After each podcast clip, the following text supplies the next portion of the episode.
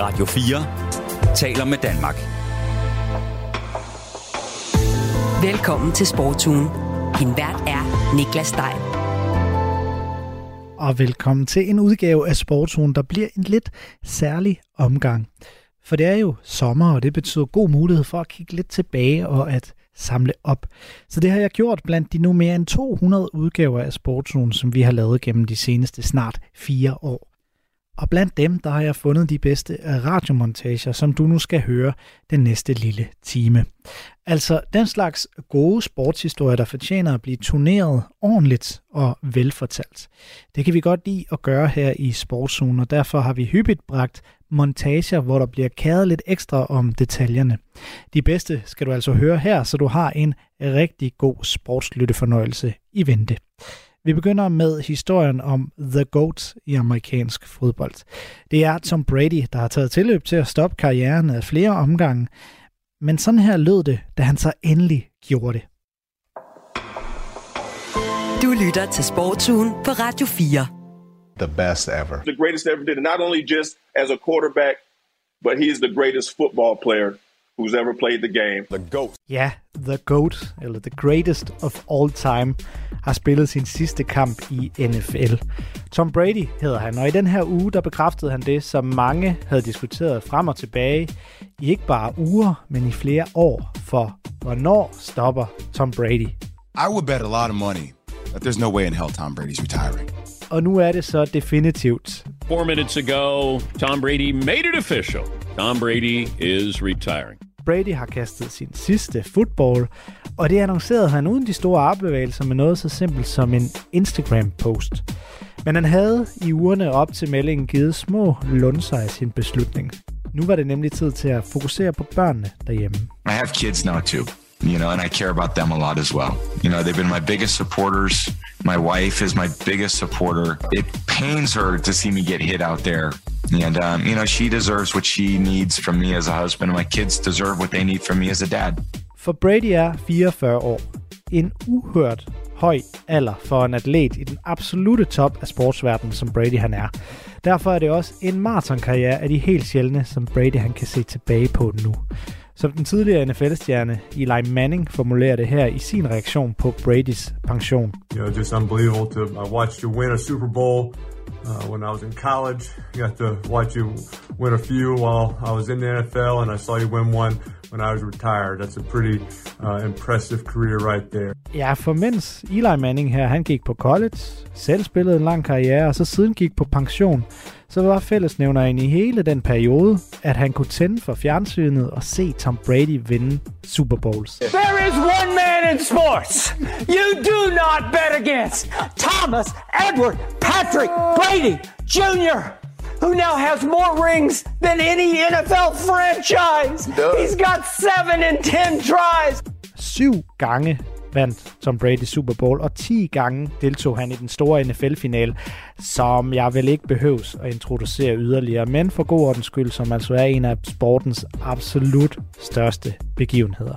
Begge ting er rekord. Are you sad? Yeah, really? yeah, I'm saying, man. I mean, You're, you're crying over Tom Brady? Tom Brady her, han efterlader sig ikke kun legendestatus hos NFL, men især hos New England Patriots, hvor han tilbragte 19 af sine 22 år i NFL, inden han tog den sidste tørn hos Tampa Bay Buccaneers, som han har ført til Super Bowl sejr så sent som sidste år.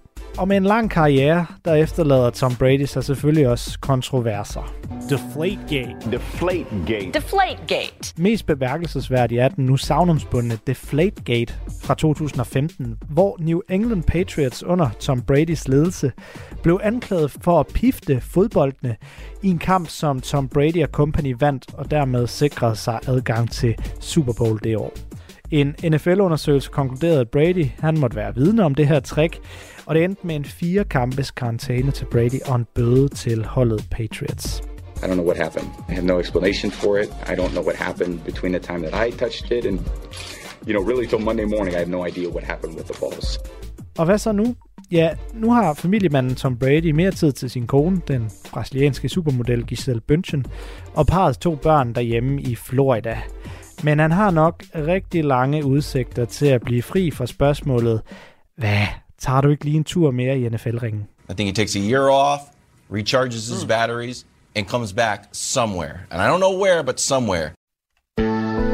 Du lytter til Radio 4. Det var altså amerikansk fodbolds GOAT, the greatest of all time. Og nu videre til tennissportens svar på det selv samme. I hvert fald hvis man måler på antal Grand Slams vundet blandt mændene. Novak Djokovic hedder han, og han deler trods sine evner vandene, og det gjorde han særligt op til Australian Open sidste år. Det handler om corona og fortællingen samt detaljerne. Dem får du lige her. Du lytter til Sportsugen på Radio 4. Novak Djokovic has sensationally admitted to lying on his entry declaration form. Den 5. januar tonede Novak Djokovic frem på Instagram med et smil og en besked om, at han var på vej til Australien med en såkaldt medicinsk undtagelse i kufferten. Dermed der satte tennisstjernen et punktum for flere ugers spekulation om hans deltagelse i Australian Open, og om hvorvidt han overhovedet var vaccineret. Troede han måske. For hvad der formentlig skulle have været et punktum, endte i stedet med at være første kapitel i en coronasaga, der har udfoldet sig den seneste uge med verdens bedste tennisspiller i orkanens øje. For at forstå, hvordan vi er nået hertil, der skal vi starte med at spole lidt tilbage. Den 20-dobbelte Grand Slam-vinder, altså Novak Djokovic, han har længe talt skeptisk om vacciner, og har hårdnakket stået fast på, at han ikke vil fortælle, hvorvidt han overhovedet er vaccineret eller ej. Derfor der har hans deltagelse i Australian Open, som han altså har vundet ni gange, længe stået hen i det uvisse. For at komme ind i Australien, der er det jo sådan, at man skal være vaccineret. Og her er vi så tilbage ved Novak Djokovic's Instagram-post om den her medicinske undtagelse, der på det her tidspunkt blot var to små ord i et stykke tekst på internettet. Men siden, der har de her to små ord og hele den her Instagram-post skabt vrede i Australien, og som svar endnu mere vrede i Djokovic's hjemland, Serbien. Some supporters were pepper sprayed after clashing with police. Australierne vil have bevis for Djokovic's medicinske undtagelse, men den vil han altså selv ikke give. Australian Open-chefen, han hedder Craig Tiley, var hurtigt ude og understrege, at Djokovic hans skam ikke fik nogen særbehandling, og at den medicinske undtagelse den var god nok. Men da Djokovic samme dag, altså onsdag i sidste uge, så endelig ankom til Australien, der blev hans visum annulleret, og han blev tilbageholdt i lufthavnen for siden at blive ført til et karantænehotel i Melbourne. Her der Djokovic vente i flere dage, inden en dommer omgjorde beslutningen og gav ham lov til at blive i Australien.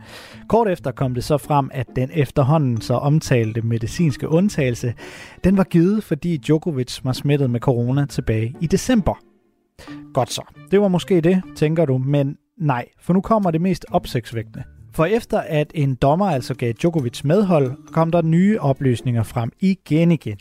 Dengang gang der fortalte de her oplysninger om uoverensstemmelser i Djokovic's indrejsepapir. Djokovic han havde nemlig svaret nej til, om han havde rejst i løbet af de 14 dage, der gik forud for hans indrejse i Australien den 5. januar.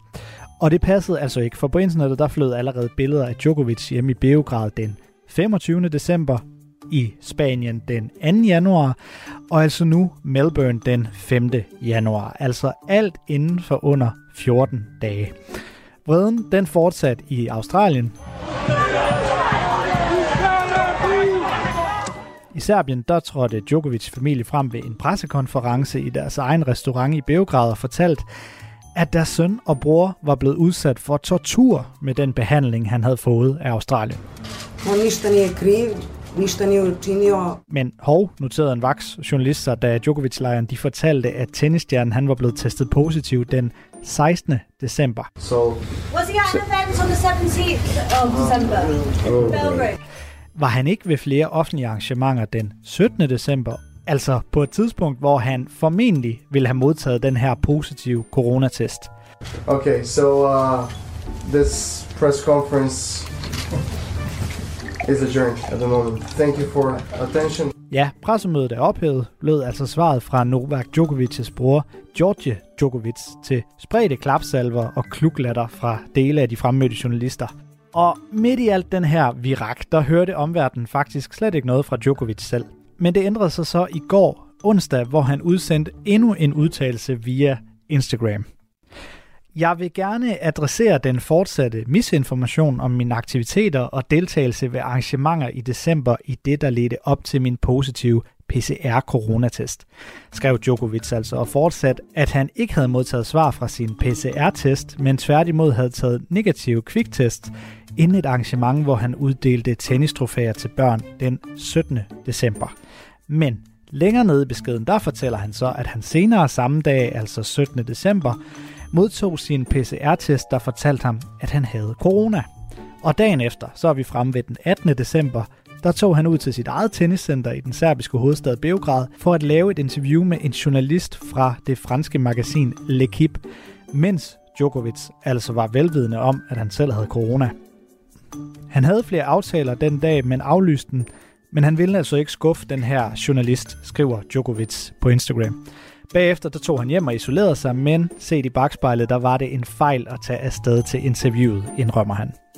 Desuden så skriver Djokovic, at fejlen i de her indrejsepapirer, som jeg fortalte om før, de skyldes, at hans agent satte et forkert kryds.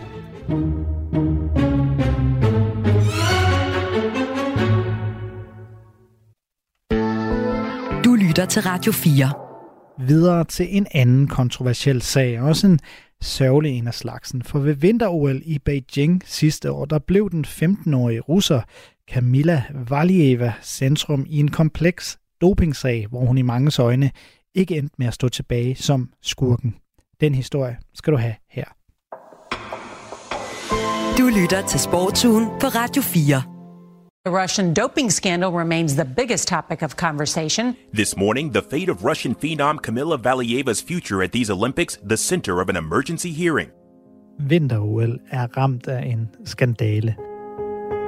Og i centrum står en mindreårig. Den kun 15-årige russer Kamila Valieva skøjter rundt på isen i Beijing som den førende i OL's kunstskøjtedisciplin. Og det gør hun med en dopingsag hængende over hovedet. Det har skabt vrede blandt både seere og konkurrenter i sporten. That's doping. That's cheating. Johnny Weir said he can't condone it. Tara Lipinski said, I believe it will leave a permanent scar on our sport. I was with Tara yesterday. She was on fire about this. Adam Rippon said, send her home. I, I've never seen anything like this. For at forstå, hvordan det her kan ske, skal vi hoppe tilbage til december. Første juledag afleverede Camilla Valieva en dopingtest, da hun var til de russiske mesterskaber i kunstskøjteløb hjemme i Sankt Petersborg. Testen skulle vise sig at være positiv, men det kommer vi til. For siden rejser den russiske delegation afsted til vinter-OL, og her er Camilla Valieva med, uvidende om, at hun har afleveret en positiv dopingprøve. Ikke desto mindre går Kamila Valieva og de øvrige russere på isen og vinder OL-guld i holddisciplinen i starten af februar. Alt virker i den skønneste orden. Men dagen efter, og nu er vi fremme ved den 8. februar, bliver Kamila Valievas dopingprøve, som hun altså afleverede helt tilbage i december måned, så endelig undersøgt. Og den viser sig altså at finde spor af det forbudte stof trimetazidin, et lægemiddel, der bruges til at forebygge en form for brystsmerteanfald. Valieva bliver suspenderet, men fordi hun er 15 år og altså mindreårig, vælger det internationale testagentur at holde svaret hemmeligt for offentligheden. Dagen efter bliver suspenderingen ophævet af Ruslands dopingagentur, og Valieva kan altså fortsat deltage ved vinter-OL i Beijing. Men det er så først her, at kaos begynder at bryde løs. Brianna, the Olympic Games have been plunged into absolute chaos by this very controversial Court of Arbitration for Sport decision. A Russian teen sensation will be allowed to compete in the figure skating competition despite failing a drug test before the games. For pludselig offentliggør det internationale testagentur prøveresultatet, og som svar vil både det internationale dopingagentur VADA og den internationale olympiske komité IOC have suspenderingen af Valieva tilbage i effekt. undervejs i alt det her er Camilla Valievas egen forklaring på den positive dopingprøve, at hun er uskyldig, og at der er blevet lavet et mix-up med hendes bedstefars medicin. En efterforskning af Valieva og hendes omgangskreds går i gang den 13. februar, altså i søndags. Den 14. februar, det er så i mandags, beslutter den internationale sportsdomstol CAS, at Valieva gerne må deltage videre ved vinter-OL. Det må hun ifølge CAS, fordi Valievas dopingprøve blev foretaget før vinter-OL gik i gang. She was in a very special situation that the Olympic Games take place only every four years, and she would, if she would miss the competition at these games, uh, the damage could not be repaired. Men dopingsagen kører selvfølgelig videre, alt imens Valieva indtager isen. Og det gør hun så i kvindernes individuelle disciplin onsdag den 15. februar, hvor hun til tonerne af den unge russiske pianist Kiel Richters In Memoriam, det er den du har hørt her bagved de seneste par minutter, skøjter sig ind på en forløb i førsteplads og efterfølgende lader tårerne flyde. Valieva made a visibly emotional return to the ice on Tuesday, securing a first place finish going into Thursday's free skate event, while the World Anti Doping Agency is continuing investigations into her entourage. I dag, torsdag, skal hun så forsvare den første plads. Men selv hvis hun gør det, er der ingen, der endnu ved, om hun så også kan kalde sig OL-guldvinder. But just in, if she wins, there will be no medal ceremony, which is a dramatic step. The IOC says if she lands in the top three, there will be no medals handed out until the investigation is complete. Der bliver nemlig ingen medaljeceremoni, og det gør der ikke på grund af dopingsagen. Og hvordan den så rent faktisk ender, ja, det vil tiden vise. Og sportsverdenen spørger nu sig selv, om man overhovedet kan stole på Rusland, der igen igen er involveret i en stor dopingsag. Og om 15-årige Camilla Valieva er en potentiel dopingsynder, eller et uskyldigt offer, der uvidende er blevet indhyllet i et meget større spil.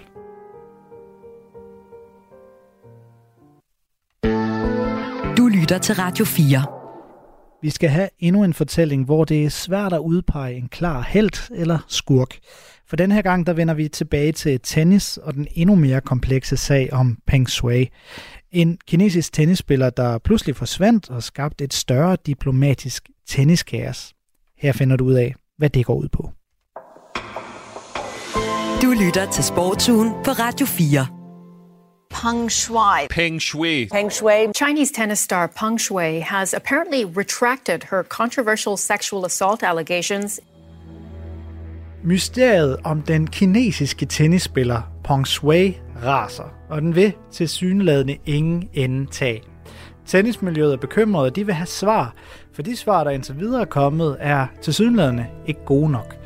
For selvom Pong Shui hun nu har været ude at sige, at hun er blevet misforstået, at der ikke var noget om snakken om et seksuelt overgreb, ja, så vil sagen ikke dø hen. For at forstå hvorfor, der skal vi rykke tilbage til starten på den her historie. I november måned, der dukkede en bemærkelsesværdig anklage op på Peng Shuis officielle profil på Kinas største sociale medie, Weibo. Peng Shui, hun anklagede en højtstående kinesisk politiker for at have forgrebet sig seksuelt på hende. Well, right now, there is a big story surrounding two-time major doubles winner Peng Shuai. The former world number one in doubles accused a former high-ranking Chinese government official of sexual assault in a post from her Weibo account. Sagen den blev stor ikke blot i Kina, men i særdeleshed i Vesten, hvor de store tennisorganisationer de herhjemme. Men så forsvandt Peng Shui til synlædende. Anklagerne blev slettet, og kvindernes internationale tennisorganisation WTA de udtrykte bekymring om den tidligere dobbeltetters tilstand og sikkerhed. Og nogle af spillets største stjerner, som Naomi Osaka og Rafael Nadal, brugte deres sociale medier til at spørge, Where is Peng Shuai? Where is Peng Shuai? Where's Peng Shuai? hvor er Peng Shui? To uger efter anklagerne, der dukkede der det, der angiveligt skulle være en mail fra Peng Shui op. Et statsejet kinesisk medie skrev, at de havde fået fat på mailen fra tennisspilleren, der skrev, at alt var godt, og at der ikke var tale om nogen anklager om seksuelt overgreb. Men mailens autenticitet blev hurtigt betvivlet, både blandt tennisfans, men også helt op på ledelsesgangene hos WTA. Og det så kun ud til at gøre sagen endnu større. Både FN og det Hvide Hus i Washington sendte repræsentanter i byen for at sige til Kina, at de skulle skaffe beviser for, at Peng Shui hun var okay. Og så kom præsidenten for den internationale olympiske komité, altså det, der hedder IOC, pludselig Kina til undsætning. IOC de skrev få dage senere, at præsidenten Thomas Bach han havde holdt et videomøde med Peng Shui, og at alt så ud til at fred og fordragelighed. And new images this morning that supposedly show her alive and well. Men det lignede lidt for meget damage control. Blot et par måneder inden, at IOC skulle holde vinter-OL i netop Kina, lød det fra kritikere. Og så er vi fremme ved december, hvor WTA rullede frem med det tunge skyts over for Kina. The Women's Tennis Association announcing it is immediately suspending all of its tournaments in China and Hong Kong. WTA valgte den 1. december at suspendere samtlige sine turneringer i Kina og Hongkong. En beslutning, som stadig står ved magt her to måneder senere. Men det flyttede ikke rigtig sagen nogen steder hen, indtil en overraskende udvikling kort før jul. Her dukkede Peng Shui op på en videooptagelse fra det kinesisk-sprogede singaporianske medie Lianghe Saobao. Videoen, der blev optaget ved et skisportstævne i Shanghai, viste Peng Shui, der sagde, at hun var fri, og at hun altså aldrig havde anklaget nogen for seksuelle overgreb. Det måtte jo så være det. Altså en stor misforståelse, når det kom fra Peng Shui selv. Men nej, sagen ville stadig ikke dø hen. Tennismiljøet, og det inkluderer altså både fans og ledere, anså ikke den her video som nok evidens. Man var simpelthen ikke sikker på, at hun talte sandt, og at hun ikke var blevet presset til at sige det her. Sagen lå stille hen over jul og nytår, men så fik den fornyet liv under den netop afståede Australian Open, altså årets første Grand Slam i tennis. Her der mødte dele af publikum op med t-shirts, hvor der stod, hvor er Peng Shui? So you'd like her to take the shirt off? Can you just show us the shirt? Og i første omgang, der blev publikum beordret til at tage de her t-shirts af med en forklaring om, at politiske budskaber de ikke var tilladt på stadion til turneringen.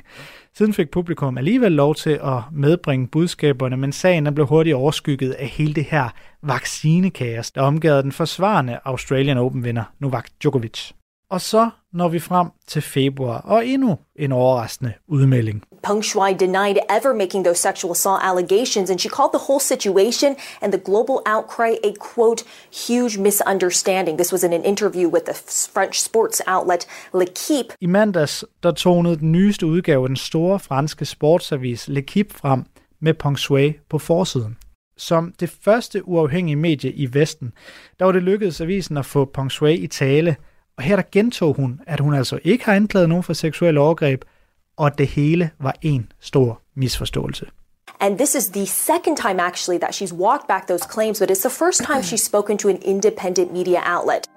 Og så er vi ellers fremme ved i dag. Der bliver stadig ikke holdt nogen VTA-turneringer i Kina, der ellers længe har været et stort tennismarked. Spørgsmålene de bliver ved med at rejse sig. Kan tennisverdenen blive ved med at efterlyse flere svar, eller kan Kina blive ved med at fastholde sin uskyld? The big serve, though. Second ace for Peng Shui.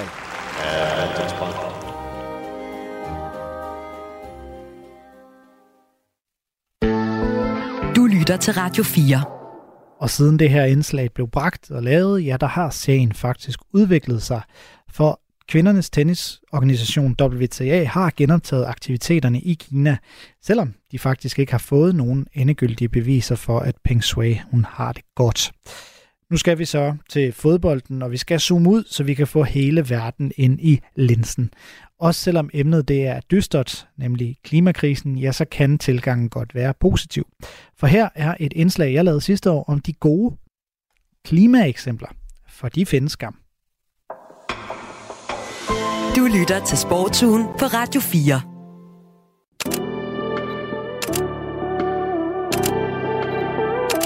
Vi skal starte vores lille rundrejse i Tyskland, for det er et land, man på ingen måde kan komme udenom, når vi snakker bæredygtighedsdagsordenen. Mange klubber har taget både kreative og skal vi sige omfangsrige initiativer i brug, og det har vagt genlyd op i toppen. For DFL, altså dem, der styrer Bundesligaen og Schweizer Bundesliga, Ja, de har nemlig indført, at man fra og med den sæson, der går i gang i de her måneder, skal leve op til en række bæredygtighedskriterier for at kunne få fornyet sin licens til at spille i de to øverste rækker i Tyskland. Og lad os så lige se, hvad det er, nogle af klubberne har gjort. Vi begynder nede sydvest på, altså ved Sorteskov, Schwarzwald, tæt på grænsen til Frankrig. Der ligger Freiburg, og de er blandt andet kendt for den karismatiske og mangeårige træner Christian Streich, der gerne bruger pressekonferencer til at snakke om alt fra flygtningepolitik, eller som her hylde de unge mennesker, der klimastrækker i klimaorganisationen Fridays for Future. Und es ist eine Berechtigung da. In hohem Maß ist eine Berechtigung da. Und man sieht ja, dass die Kinder das angestoßen haben. Freiburg de var allerede i 1993 den første fodboldklub, i hvert fald i Tyskland, til at få solceller på stadion. Og nu har de så lige fået indvidet et nyt stadion sidste år, og det vil ifølge klubben blive CO2-neutralt. Hvilket så leder os nogle timer nordpå, nemlig til Mainz, hvor de allerede har formået at blive netop klimaneutral. Det blev de helt tilbage i 2010, den første klub i Bundesligaen, og måske den første klub i hele Europa. Og vi skal lige yderligere nordpå. For i Wolfsburg, der klarer de sig også godt. Ikke alene så er spilletrøjen selvfølgelig karakteristisk grøn. Ja, klubben den bliver også kaldt Tysklands grønneste klub. Måske paradoxalt, når nu klubben har selveste Volkswagen i ryggen. Men lad nu det ligge. For klubben den topper det, der hedder Sport Positive League, der har til formål at rangere klubberne i de store ligaer efter bæredygtighedskriterier. Og de initiativer, der har bragt Wolfsburg til tops, i de tæller, at klubbens faciliteter kører på 100% vedvarende energi. Klubben vil være klimaneutral allerede i 2025. Fanshoppen har fjernet plastikposer og bruger genanvendelige papirposer. Stadion bruger vand fra en nærliggende kanal i stedet for postevand. Og så har de lanceret et program, hvor man kan få sæsonkort og billetter til Wolfsburgs kvindefodboldhold, hvis man som fan reducerer sine CO2-udledninger. Men de kan også andre steder end Tyskland. Det nok klareste eksempel, det er den engelske klub Forest Green Rovers, der lige rykket op i League One, altså den tredje bedste række i England. Og de tager den altså til næste niveau. Hele klubbens eksistensberettelse er nemlig bæredygtighed. Klubben har et stadion af træ, maden i madboderne er veganske, og klubbens første hold kører til kampe i en minibus, der kører på el. Men Premier League vil også være med, som en af de få store fodboldligaer har Premier League forpligtet sig til FN's mål om at være klimaneutral i 2040. Det var også i Premier League, at verdens første klimaneutrale elitefodboldkamp blev spillet. I september sidste år, der proklamerede Tottenham og Chelsea, at de vil gøre en Premier League-kamp fuldstændig klimaneutral. Game Zero skulle kampen en dag hedde. A world first in the effort to combat climate change, Sky has partnered with Tottenham, who were named the Premier League's greenest club earlier this year, to host the world's first net zero carbon football game at an elite level. Og det lykkedes ifølge klubbernes beregninger at gøre den til klimaneutral. Det gjorde de blandt andet ved at sørge for, at spillerne ankom til stadion med transport, der kørte på biodiesel. De opfordrede fans til at komme i elbiler eller andre elkøretøjer, eller cykel selvfølgelig. Alt, der blev brugt på stadion, kørte på vedvarende energi, og så var maden med lokale råvarer og næsten udelukkende vegetarisk og plantebaseret.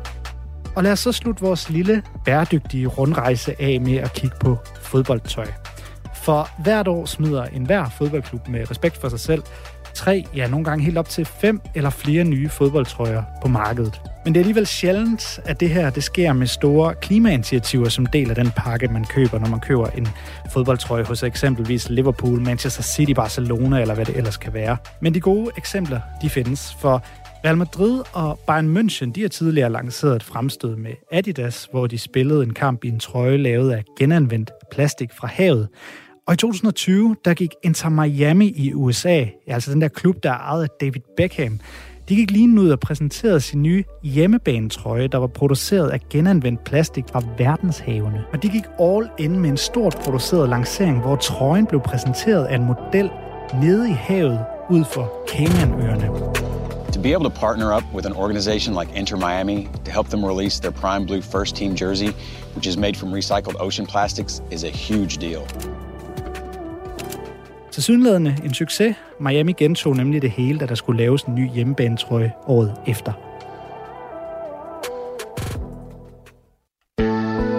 Du lytter til Radio 4. Fra klima og til bitcoins. For selvom man måske kan synes, at fodboldverdenen skulle tale beskyttelse af klimaet endnu mere op, ja, så har de ikke været lige så sene til at omfavne kryptovalutans voldsomme vækst. Det gjorde sig særligt gældende i 2021, hvor flere store fodboldklubber rundt om i Europa pludselig fik hidtil ukendte sponsorer fra kryptobranchen ombord. Her der får du fortællingen om kryptoens indtog i fodboldverdenen, der bare er blevet endnu mere markant siden da. Du lytter til Sportsugen på Radio 4. Hola, soy Falcao y quiero presentarte la aplicación socios.com. Det, du hører her, det er den kolumbianske stjerneangriber Falcao, der reklamerer for fodboldens nye store markedsføringsstille Socios.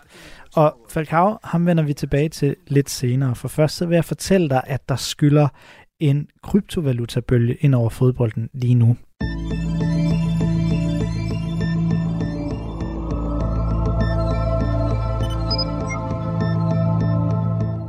Det handler ikke om bitcoin, som du måske kender, men om fan tokens og NFT'er. Og så er jeg nok allerede ved at have tabt dig, for det er lidt indviklet.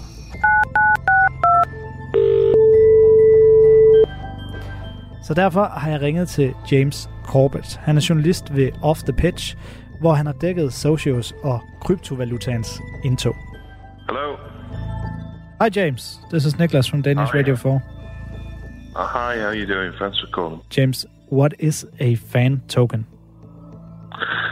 So a fan token is um, it's a digital token. Um, it is tradable. Um, it is backed by cryptocurrency. Um, James Corbett forklarer, at de her fan tokens, som kan oversættes til et fan-emblem, og som er det, det hele drejer sig om, er et digitalt emblem, som man kan bytte med og handle med, og som er opretholdt af kryptovaluta. Altså en form for internetpenge. Fansene de kan købe og bytte sig til dem, ligesom man altid har gjort med for eksempel fodboldkort eller klistermærker. Udbredelsen af de her fan-tokens, som vi vælger at kalde dem, har medført en guldfeber, og priserne de skulle været meget hurtigt. and in some cases the the values have been been very rapidly inflated. Men vent lige lidt, for jeg tror lige, vi skal have forklaringen bredt lidt ud. Så lad os starte fra scratch. Den største udbyder af de her tokens, de hedder Socios. Socios.com. Socios.com. Ja, Socios. Og hos dem, der kan du vækste dine penge til en valuta. Det er den, der hedder chilis. Du ved, ligesom den der stærke grøntsag. Og med de her chilis, der kan du så købe forskellige klubbers fan tokens. Og Socios har allerede fået store aftaler med nogle af verdens allerstørste klubber. Her i Europa, der er det klubber som Manchester City, Paris Saint-Germain, FC Barcelona og så Juventus. Og hvis du ser Inter spille kamp i Serie A i Italien, så vil du bemærke, at der lige midt på maven, altså det største markedsføringsredskab, fodboldklubberne overhovedet har, der reklamerer Inter for deres egen fan-token hos de her socios. Og hvad kan du så bruge de her fan-tokens til? Officielt der er det for at knytte fans tættere på klubberne, som de her udbydere de så fint siger. Og her er vi så tilbage ved Falcao. Hola, soy Falcao y quiero presentarte la aplicación socios.com. For det Falcao her siger, det er, at man kan bruge sine fan-tokens til at bestemme, hvilken jubel Falcao han skal lave næste gang han scorer et mål for sin klub Rayo Vallecano. Det kan man altså bruge sine fan-tokens til. Man kan have en stemme i, hvilke sange der skal spilles på stadion, eller hvilket anførbind der skal være på en given klubs kaptajns overarm. Men uofficielt, der kan de her fan-tokens også bruges til lige præcis det, som vi kender bitcoin for. Nemlig spekulation. For som enhver anden kryptovaluta, der stiger og falder fan-tokens i værdi, og det har bragt spekulanter ombord. Som en form for fodboldaktiespekulanter. Men Socios, de er ikke den eneste spiller på det her marked. I Tyrkiet, der har storklubben Fenerbahce en fan-token hos en anden udbyder. Det har faktisk ført til, at den ellers så gældsplade klub har vendt røde tal til sorte tal i det seneste årsregnskab, de er kommet med. Og det samme det er så sket hos en anden tyrkisk storklub, Galatasaray, der så er i stald hos netop Socios. Um, it's it's it's it's the principal one in terms of of fan tokens. Um, there are providers of what are called NFTs, which is non-fungible um, tokens. Um, and Og socials, de er de største, når det kommer til de her fan-tokens. Men så er det også det, der hedder NFT, eller Non-Fungible Tokens, som de helt præcis hedder. Men vi holder os lige til at kalde dem for NFT. Det er endnu en form for digitalt samlerværk. Det kan være en fodboldscoring, der er blevet til et lille digitalt tv-klip, som man så kan købe, samle på og bytte sig til. Den gren, den mangler for alvor når helt til Europa, men de her NFT'er er allerede en stor ting i USA, og det er, når det kommer til særligt basketball. Man har set, at de er blevet handlet for op mod flere millioner dollars på nettet. cryptocurrencies. Armbevægelserne og ambitionerne, de er store, og det fik James Corbett at mærke, da han interviewede Socios-direktøren Alexandre Dreyfus, en fransk internet-iværksætter, der oprindeligt skabte sig et navn med projekter inden for online gambling-verdenen, og nu har han så kastet sig over sport. Uh, Alexander's incredibly charismatic. Um, he's a brilliant salesman. Uh, what does he hope to get out of it? I mean, th- this is my personal opinion. Alexander Dreyfus er en karismatisk salgsmand. Corbett fik det ud af interviewet, at fantokens først og fremmest er et markedsføringsredskab. Og Corbett han indrømmer selv, at han ikke selv forstår kryptovaluta sådan helt ned i detaljen, og han forstår derfor heller ikke, jamen, hvorfor man vil samle en fantoken og NFT. Men som han siger, jeg forstår heller ikke nødvendigvis, hvorfor folk samler på gamle billetter eller kampprogrammer. personally understand cryptocurrencies. I don't, I don't see why why you would unless you want why you would buy them unless you wanted to speculate. Um, and I don't really understand the relevance of fan tokens or NFTs. But then I don't particularly understand why somebody would want to collect old ticket stubs or football programs. You know, it's just it's just the latest incarnation of that. Så er det her alt sammen bare en moderne udgave af det, vi kender som samlermani. Ikke helt, for kritikken, som har fulgt med udbredelsen af de her fantokens og kryptovaluta, de handler om rammerne og forbrugernes sikkerhed. Så jeg spørger James Corbett, om alt det her er reguleret. No, no. Um, I, I look, there are moves by the Federal Reserve. Og nej, det er det ikke, lyder det prompte. Den amerikanske centralbank har tidligere advaret mod visse former for kryptovaluta, men her er socios og de fantokens, vi ser i fodbold, altså ikke blandt, skal jeg lige huske at sige. Men den manglende regulering, det er altså noget, der fører kritik med sig. Certain cryptocurrencies. Not not not so much emphasize Chile's, which is the Socios one, but others which are linked to sporting sporting token products. Um, they've they've issued warnings against against trading in those, and that people who um, invest in them risk risk losing everything. Og så er der jo tallene, altså hele den økonomi, der ligger bag. For selvfølgelig kaster selve fodboldklubberne sig ikke ud i det her, hvis de ikke ser en forretningsmodel. Yeah, it's massive, and you know, I, I suppose, I suppose I first viewed it with a moralistic stance, um, and I was I was talking to a very senior banker. Um, Økonomien er kæmpestor, siger James Corbett, og fortæller, at han for nylig snakkede med en højtstående bankmand, der tog det, som Corbett kalder for en meget amerikansk indgang til tingene. Altså, hør her, det er bare endnu en måde at tjene penge på, klubberne kommer til at tjene på det, så det er jo fint alt sammen. Men som Corbett siger, kan det ende med, at almindelige fans mister penge.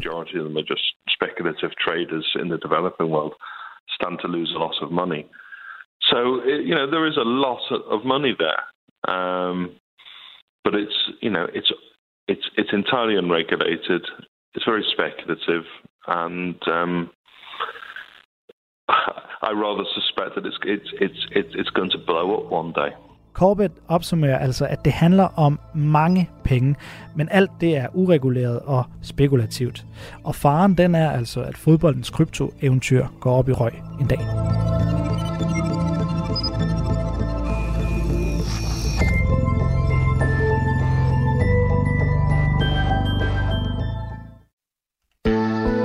Du lytter til Radio 4.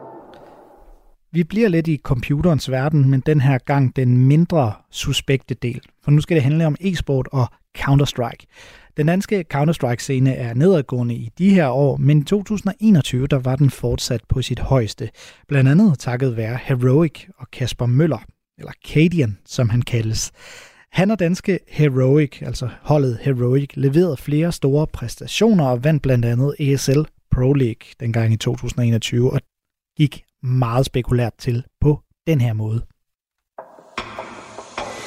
Du lytter til Sportsugen på Radio 4. Han er ene mand tilbage mod fire modstandere. Han har et dårligt våben i hænderne.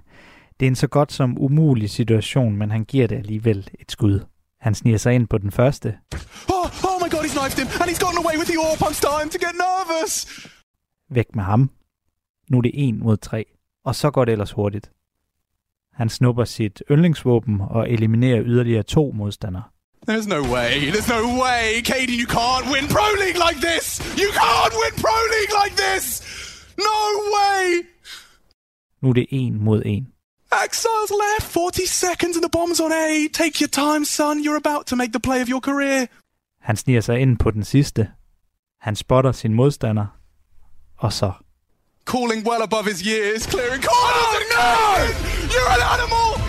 Heroic have done it, and I just can't believe it. 40% of their team. Only together since February. Det her, det var sådan de sidste sekunder af den store ESL Pro League finale gik for sig i søndags. Det er en af de største Counter-Strike turneringer, der overhovedet findes. Og ham, der afgjorde det hele, det var Kasper Møller, eller Kadian, som han bare kaldes i e-sport-miljøet, hvor man gerne har sjove øgenavn. Og han afgjorde det til fordel for det danske Counter-Strike-hold, der hedder Heroic. Det er allerede blevet kaldt en af de bedste præstationer nogensinde på et af de mest afgørende tidspunkter. Det tog alt sammen mindre end et minuts tid, altså mindre end et minut, hvor det gik rigtig hurtigt oven i hovedet på 26-årige Kasper Møller. Ja, men altså, ja, det går vanvittigt hurtigt, man kan sige. I starten, der tænker jeg faktisk, okay, måske jeg bare skal løbe fuld fart afsted, og så må vi se, om jeg kan møde nogen, og hvis ikke, så skidt være med det. Du ved, jeg har ikke nogen jordisk chance på at vinde den her runde. Men det lykkedes altså, og siden i søndags, der er Kasper Møller blevet hyldet for sine evner med en mus og tastatur på den helt store klinge. Jamen, øh, det var ret vanvittigt, for at være helt ærlig. Øhm, man kunne sådan mærke ligesom den der intensitet og stemning bare sådan håbe sig op stille og roligt i løbet af det clutch. Og man kunne bare mærke sådan på energien og stemningen i rummet, at altså sådan, jeg ved ikke, det var bare dømt til at ske på en eller anden måde. Øhm, og jubelscenerne taler jo for sig selv. Øh, det var vanvittigt fedt at vinde turneringen.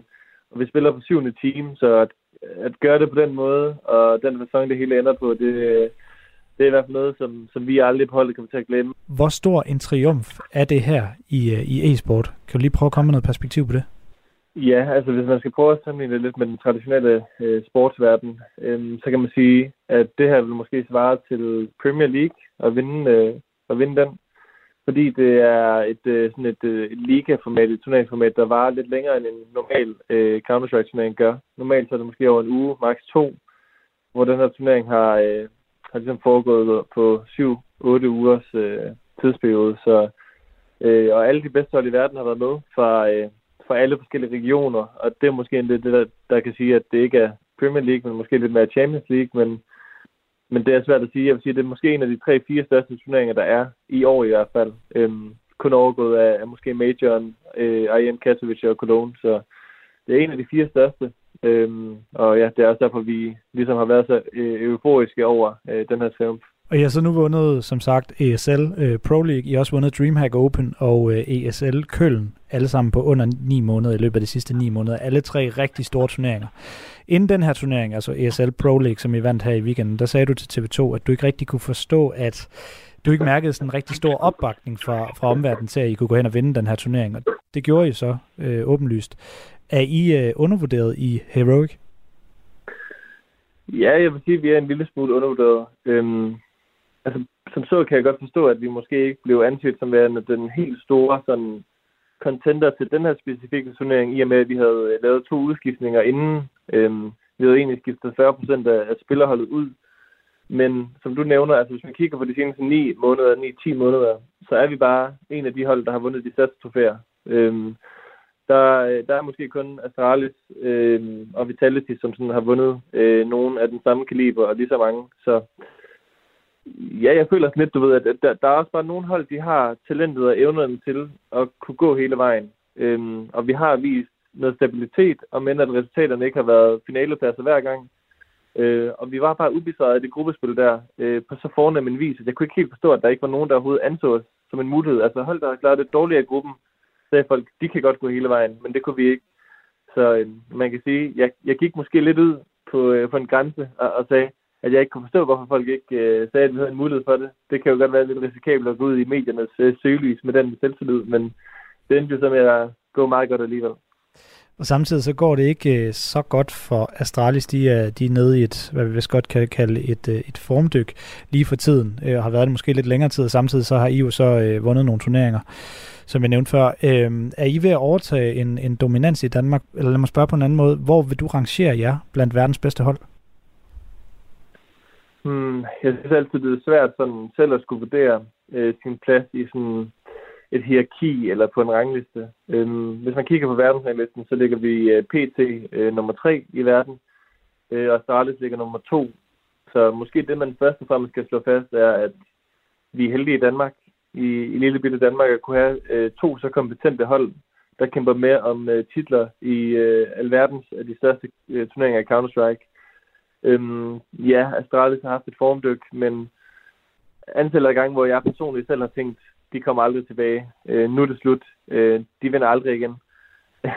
og de har modbevist mig gang på gang på gang. Så selv når, når det ser ud til, at øh, de ikke kan komme tilbage, så har de gjort det tusindvis af gange før. Så jeg vil sige, at magtholdet er der, hvor at, øh, jeg synes, det kunne være fedt med en kamp imod dem. En direkte duel. Øh, det var også sådan, jeg havde det i slutningen af sidste år, da folk begyndte at sige, at vi var ved at overtage øh, herredømmet fra dem. Øh, lad os få nogle direkte dueller. Det er altid fedt. Jeg ved, at seerne kan lide det. Øh, og jeg kan jo personligt mærke rigtig meget. Øh, der er den her gruppe inde på, på Facebook, øh, hvor TV2 Zulu har sådan lavet et lille community, eller et lille siger, der er over 20.000 medlemmer. Og der kan jeg jo godt mærke en stigende interesse for Heroic og for os som brand. Øhm, det var der ikke for 12 måneder siden. Øh, folk synes, det er fedt, at vi har vundet. Folk synes, det er fedt, at vi er kommet på baghjul. Og folk synes også, det er fedt med noget forandring, og et andet hold at holde med end Astralis. Så øh, vi øh, velkommer, øh, vi, vi modtager alle de nye øh, supporter og fans med, med åbne arme. Og så lige tilbage til den her vilde afgørelse, vi snakkede om i starten af indslaget. For den blev selvfølgelig også fejret med noget af en julescene i Heroic Lion. Adrenalinen og rosen var så stor, at jeg næsten besvimede. Man kan se på, på videoen, at øh, jeg falder sådan helt bagover og bliver, og bliver grebet af vores øh, mentaltræner. Så det, det var meget fedt.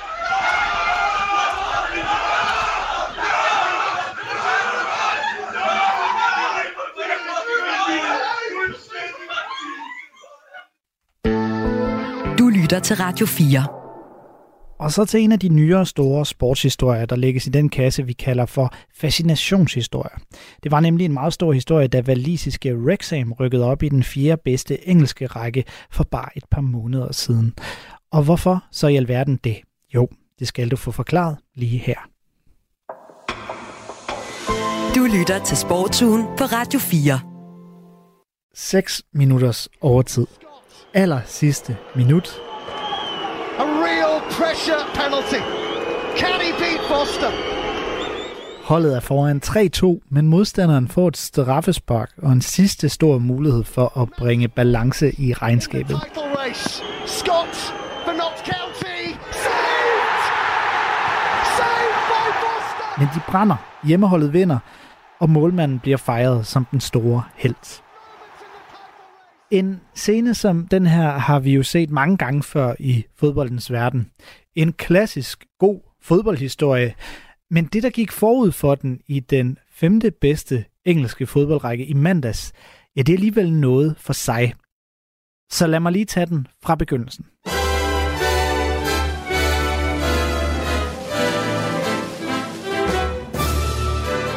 For få år siden, der sad den amerikanske skuespiller Rob McElhenney der er kendt fra tv-serien It's Always Sunny in Philadelphia, og hørte på sin kollega Humphrey Kerr fortælle om hans kærlighed for fodbold. De to var i gang med at lave tv-serien Mythic Quest, der havde McElhenney i hovedrollen, og Kerr som en mindre scenevandt manusforfatter. Kerr han er fra England og født og opvokset med fodbold, men det havde aldrig rigtig sagt amerikaneren Rob McElhenney noget. Men Kerr han fortalte så passioneret om fodbold, at McElhenney han sagde, okay, det kan måske noget det her.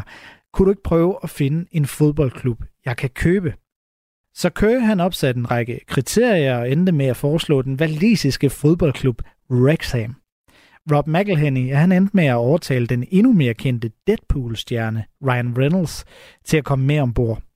Og i 2020, ja, der rejste de to filmstjerner så til den mellemstore by i det nordlige Wales og købte fodboldklubben i den femte bedste engelske række National League. Og det blev hurtigt noget af et tilløbsstykke.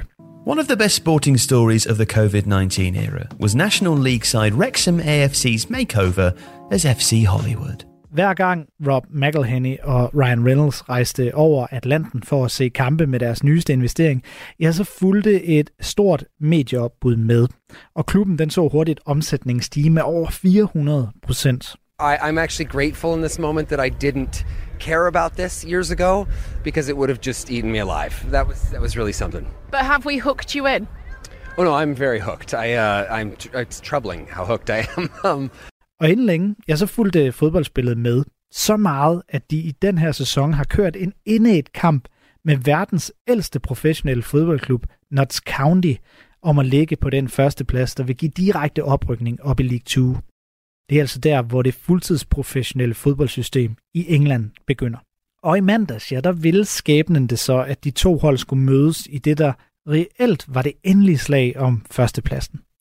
Wrexham de tog imod Notts County i Wales, og selvfølgelig havde Rob McElhenney og Ryan Reynolds taget turen og var til stede på tribunerne. Hele tiden der blev de fuldt af et kamerahold, for sidste år startede Disney en tv-serie om fodboldklubben og deres celebre ejere kaldet Welcome to Wrexham. It's an underdog story, and it's about interconnectivity between the club and the community. Football's more than a game. It's not life and death. It's more important than that. I øvrigt noget af en kontrast til det mere stille og rolige projekt, der er i gang hos rivalerne fra Notts County, som er ejet af de to danske brødre, Christoffer og Alexander Retz, der holder sig noget mere ude af rampelyset. but also, what makes it so special is how powerful, how special, how unique Notts County is. Nå, men i gang med kampen, der ikke behøvede nogen manuskriptforfatter for at blive noget af et festfyrværkeri.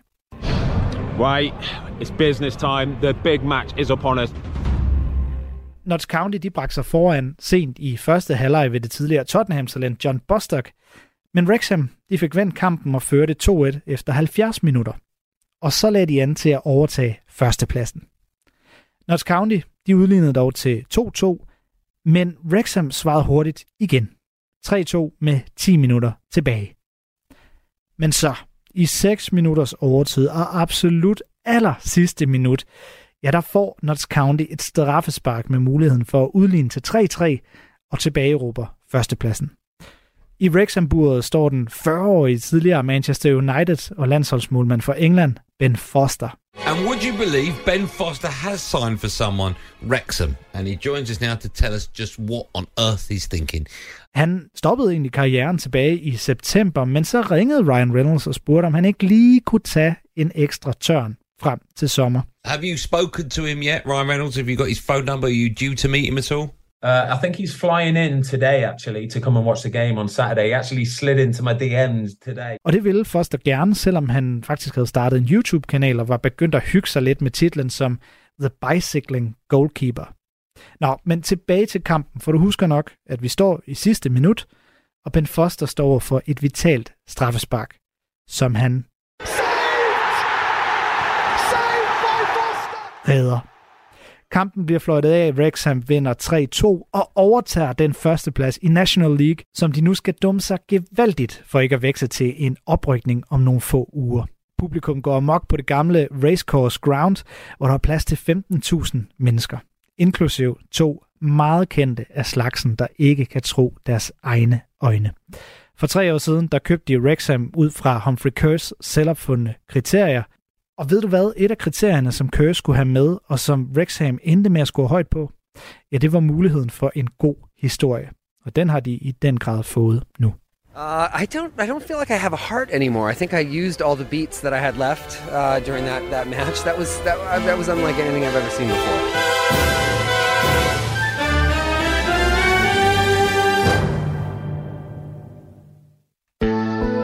Du lytter til Radio 4. Det var så nogle af de bedste sportsradiomontager, vi har sendt i årenes løb her på Sportsugen på Radio 4. I næste uge, der får du endnu en sommerspecial, når det skal handle om en anden radiogren, nemlig reportager. Husk, at du altid kan finde Sportsugen og de øvrige Radio 4-programmer, der hvor du henter din podcast og i Radio 4's app. Du kan altid skrive til mig på nick, N-I-C-K, radio4.dk. Det var nick, radio4.dk. Og der kan du altid skrive, hvis du har tips, ris, ros eller idéer til historier, jeg bør tage op. Og jeg, ja, jeg hedder Niklas Stein, og jeg har været din vært i dag. Tilbage igen på næste torsdag. Tak fordi du lyttede med. Du har lyttet til en podcast fra Radio 4. Find flere episoder i vores app, eller der, hvor du lytter til podcast. Radio 4 taler med Danmark.